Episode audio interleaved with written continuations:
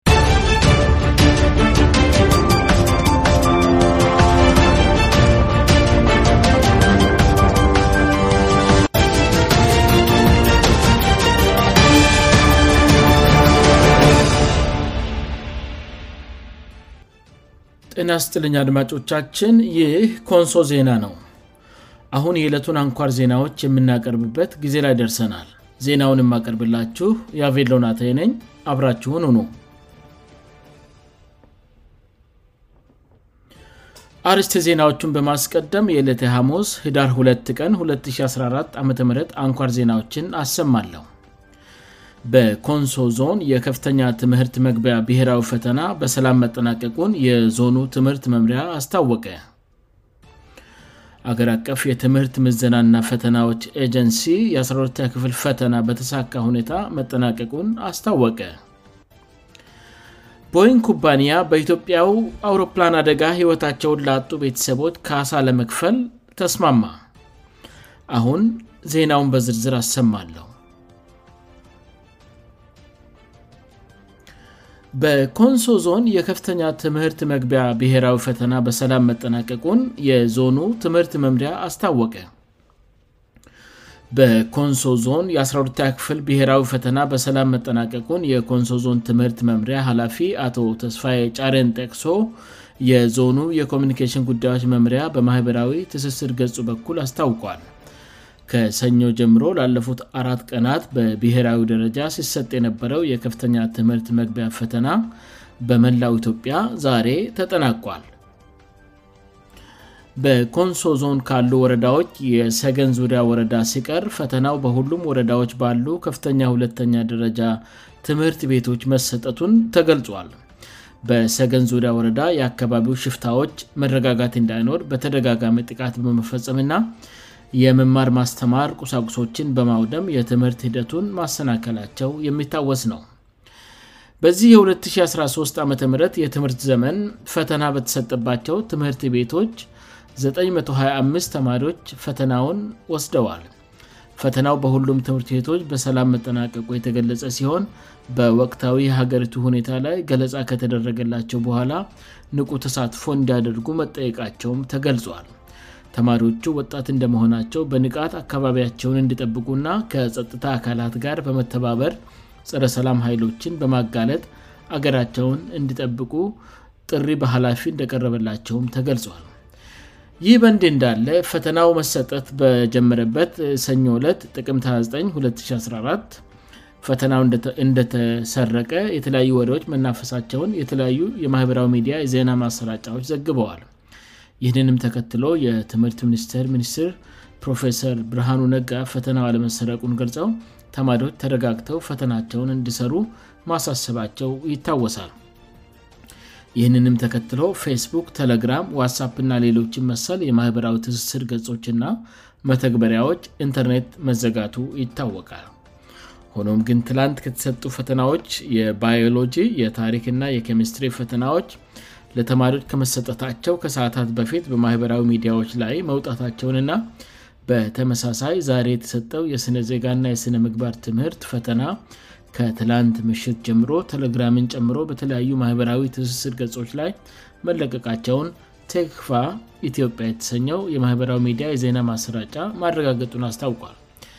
ኢትዮጵያ ውስጥ ከሰኞው ጥቅምአ9ጠቀን ጀምሮ ማህበራዊ ሚዲያዎች የተዘጉ ቢሆንም ተማሪዎች vፒን የተሰኘውንና የተዘጋውን የኢንተርነት ቋት ሰብሮ ማስጠቀም የሚያስችል መተግበሪያ በስልካቸው ላይ በመክፈት ማህበራዊ ሚዲያዎችን መጠቀም መቻላቸው ታውቋል ትላንት የአገር አቀፍ ትምህርት ምዝናና ፈተናዎች ኤጀንሲ ምክትል ዳይረክተር አቶ ይልቃል ወንድመነ ለቲክቫ ኢትዮጵያ ሚዲያ በስልክ በሰጡት አጭር ቀር መልስ ምንም የተሰረቀ ነገር የለም ለተፈታኞችም የደረሰ ምንም ነገር የለም ብለው ነበር በተጨማሪም ተማሪዎች ፈተና ክፍል ከገቡ በኋላ ፈተናውን ፎቶ በማንሳት ወደ ፒዲፍ የፋይል ቅርፀት ወይም ፋይል ፎርማት ለመቀየር ሙከራ ማድረጋቸውን ተናግረው እሁነታውን ወዲያው ስለተቆጣጠሩት ምንም ተጽዕኖ እንደማይኖረው ተናግረዋል ይህ ኮንሶ ዜና ነው አገር አቀፍ የትምህርት ምዘናና ፈተናዎች ኤጀንሲ የ1 ክፍል ፈተና በተሳካ ሁኔታ መጠናቀቁን አስታወቀ የ12ኛ ክፍል ብሄራዊ ፈተና መጠናቀቅን ተከትሎ የሀገር አቀፍ ትምህርት ምዝናና ፈተናዎች ኤጀንሲ መግለጫ አውጥቷል ኤጀንሲው የ2013 ትምህርት ዘመን የመጀመሪያ ዙር የ12 ክፍል ብሔራዊ ፈተና በሰላም ተጠናቋል ማለቱንም ቴክቫ ኢትዮጵያ የተሰኘው ሚዲያ ትምህርት ሚኒስትሪን ጠቅሶ ዘግበዋል የሀገር አቀፍ የትምህርት ምዝናና ፈተናዎች ኤጀንሲ ሌላኛው ምክትል ዋና ዳይረክተር አቶ ተፈራ ፈይሳ በሀገራችን ካለው ወቅታ ሁኔታ አንጻር ፈተናው በተሳካ ሁኔታ ተጠናቋል ስሉ ነው ያሳወቁት በ236 የፈተና ጣቢያዎች በተሰጠው በዚህ ፈተና ፈተናውን ይወስዳሉ ተብለው ከታሰበው 617991 ተማሪዎች ውስጥ 565255ቱ ፈተናውን ወስደዋል ብለዋል ምክትል ዋና ዳይረክተሩ በዚህ የህልና ትግል ወቅት ፈተናው በሰላም እንድጠናቀቅ የበኩላቸውን ለተወጡ የጸጥታ አካላት የትምህርት ዘርፉ ሰራተኞችና ወላጆች ምስጋናቸውን አቅርበዋል በማኅበራዊ ሚዲያ አንዳንድ ፈተናዎች ተሰርቀው ወጥተዋል የሚባለው ጉዳይ እውነት ነው ወይ ተብለው በጋዜጠኞች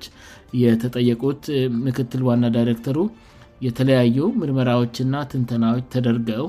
አስፈላጊው ማስተካከያ ስለምደረግ ምንም የሚያሰጋ ነገር የለም የሚል ምላሽ ሰጥተዋል በተለያዩ ችግሮች ምክንያት ፈተና ያልተሰጠባቸው አካባቢዎች ለተማሪዎች የስነልቦና ግንባታ ስራ ተሰርተ በሁለተኛ ዙር በመፈተን ከመጀመሪያው ዙር ተፈታኞች ጋር ወደ ዩኒቨርሲቲ ይገባሉም ተብለል ይህ ኮንሶ ዜና ነው ቦይንግ ኩባንያ በኢትዮጵያው አውሮፕላን አደጋ ሕይወታቸውን ላአጡ ቤተሰቦች ካሳ ለመክፈል ተስማማ ከሁለት ተኩል ዓመታት በፊት መጋቢት 1 ቀን 2011 ዓም 157 ሰዎችን አሳፍረ ወደ ኬንያ ናይሮቢ ሲጓዝ የነበረው ንብረትነቱ የኢትዮጵያ አየር መንገድ የሆነ የበረራ ቁጥር 32 ቦይንግ 337 ማክስ አውሮፕላን ከቦለ ዓለም አቀፍ አየር መንገድ ከተነሳ ስ ደቂቃዎች በኋላ መከስከሱ ይታወቃል ኩባንያው በቦይንግ 737 ማክስ አውሮፕላን የመከስከስ አደጋ ህይወታቸውን ካጡ ሰዎች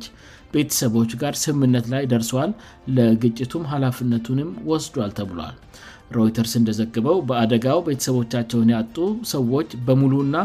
ፍትዊ በሆነ መንገድ መካሳቸውን ለማረጋገት ለመስራት ቁርጠኛ ነው ኩባንያው ሀላፍነትን በመውሰድ ከተጎጂ ቤተሰቦች ጋር ስምምነት ላይ መድረሱ ለእያንዳንዱ ቤተሰብ ተገቢ የሆነ የክፍያ መጠን ለመወሰን በሚያደርገው ጥረት ላይ ትኩረት እንዲያደርግ ያስችለዋል ተብሏል የተጎጂ ቤተሰቦች ጠበቃ የሆኑት ሮበርት ክሊፎርድ ስምምነቱ ታሪካዊ መሆኑን መግለጻቸውን ሮይተርስ ዘግቧል ተደረሰ የተባለው ስምምነት የገንዘቡን መጠን ስለመጥቀሱ የተገለጸ ስላ ለመጥቀሱ የተገለጸ ሲሆን ዳኞች በቀረበው መረጃ መሠረት የካሳሁን መጠን ይገምታሉ ተብሏል የቦይንግ 337 የመከስከስ አደጋ የማክስ 337 አውሮፕላኖች በሙሉ እንዳይበሩ የታገዱበትና በተለይም ንብረትነቱ የኢንዶኔዥያ የሆነውእና 189 ሰዎችን አሳፍሮ የነበረው ማክስ 337 አውሮፕላን ከተከሰከሰ በኋላ መከሰቱ በአሜሪካ የበረራ ታሪክ መጥፎ የሚባል ቀውስ ፈጥሮ ነበር የተከሰከሰው የኢትዮጵያ አሮፕላን ቦይንግ 737 ማክስ ኢትዮጵያውያንን ጨምሮ የ35 አገራ ዜግነት ያላቸው 157 ሰዎች አሳፍሮ በመጓዝ ላይ ያለ ከደብረ ዘይት ከተማ በግምት 60 ኪሜ ርቀት ላይ የመከስከስ አደጋ እንደገጥመው ይታወሳል ይህ ኮንሶ ዜና ነው አድማጮቻችን ዜናውን ከማብቃት በፊት አርስቲ ዜናዎቹን በድጋሚ ያሰማለ በኮንሶ ዞን የከፍተኛ ትምህርት መግቢያ ብሔራዊ ፈተና በሰላም መጠናቀቁን የዞኑ ትምህርት መምሪያ አስታወቀ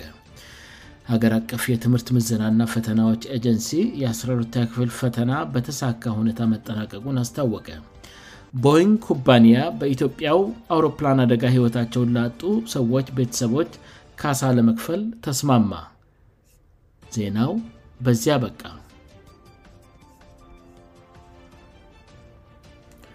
አድማጮቻችን የዕለቱ አንኳር ዜናዎቻችን ይህን ይመስሉ ነበር ስላዳመጣቸውን እናመሰግናለን ኮንሶ ዜና ነገም በተመሳሳይ ሰዓት እንደሚጠብቁት ተስፋ ያደርጋል እስከዚያው በደህና ቆዩን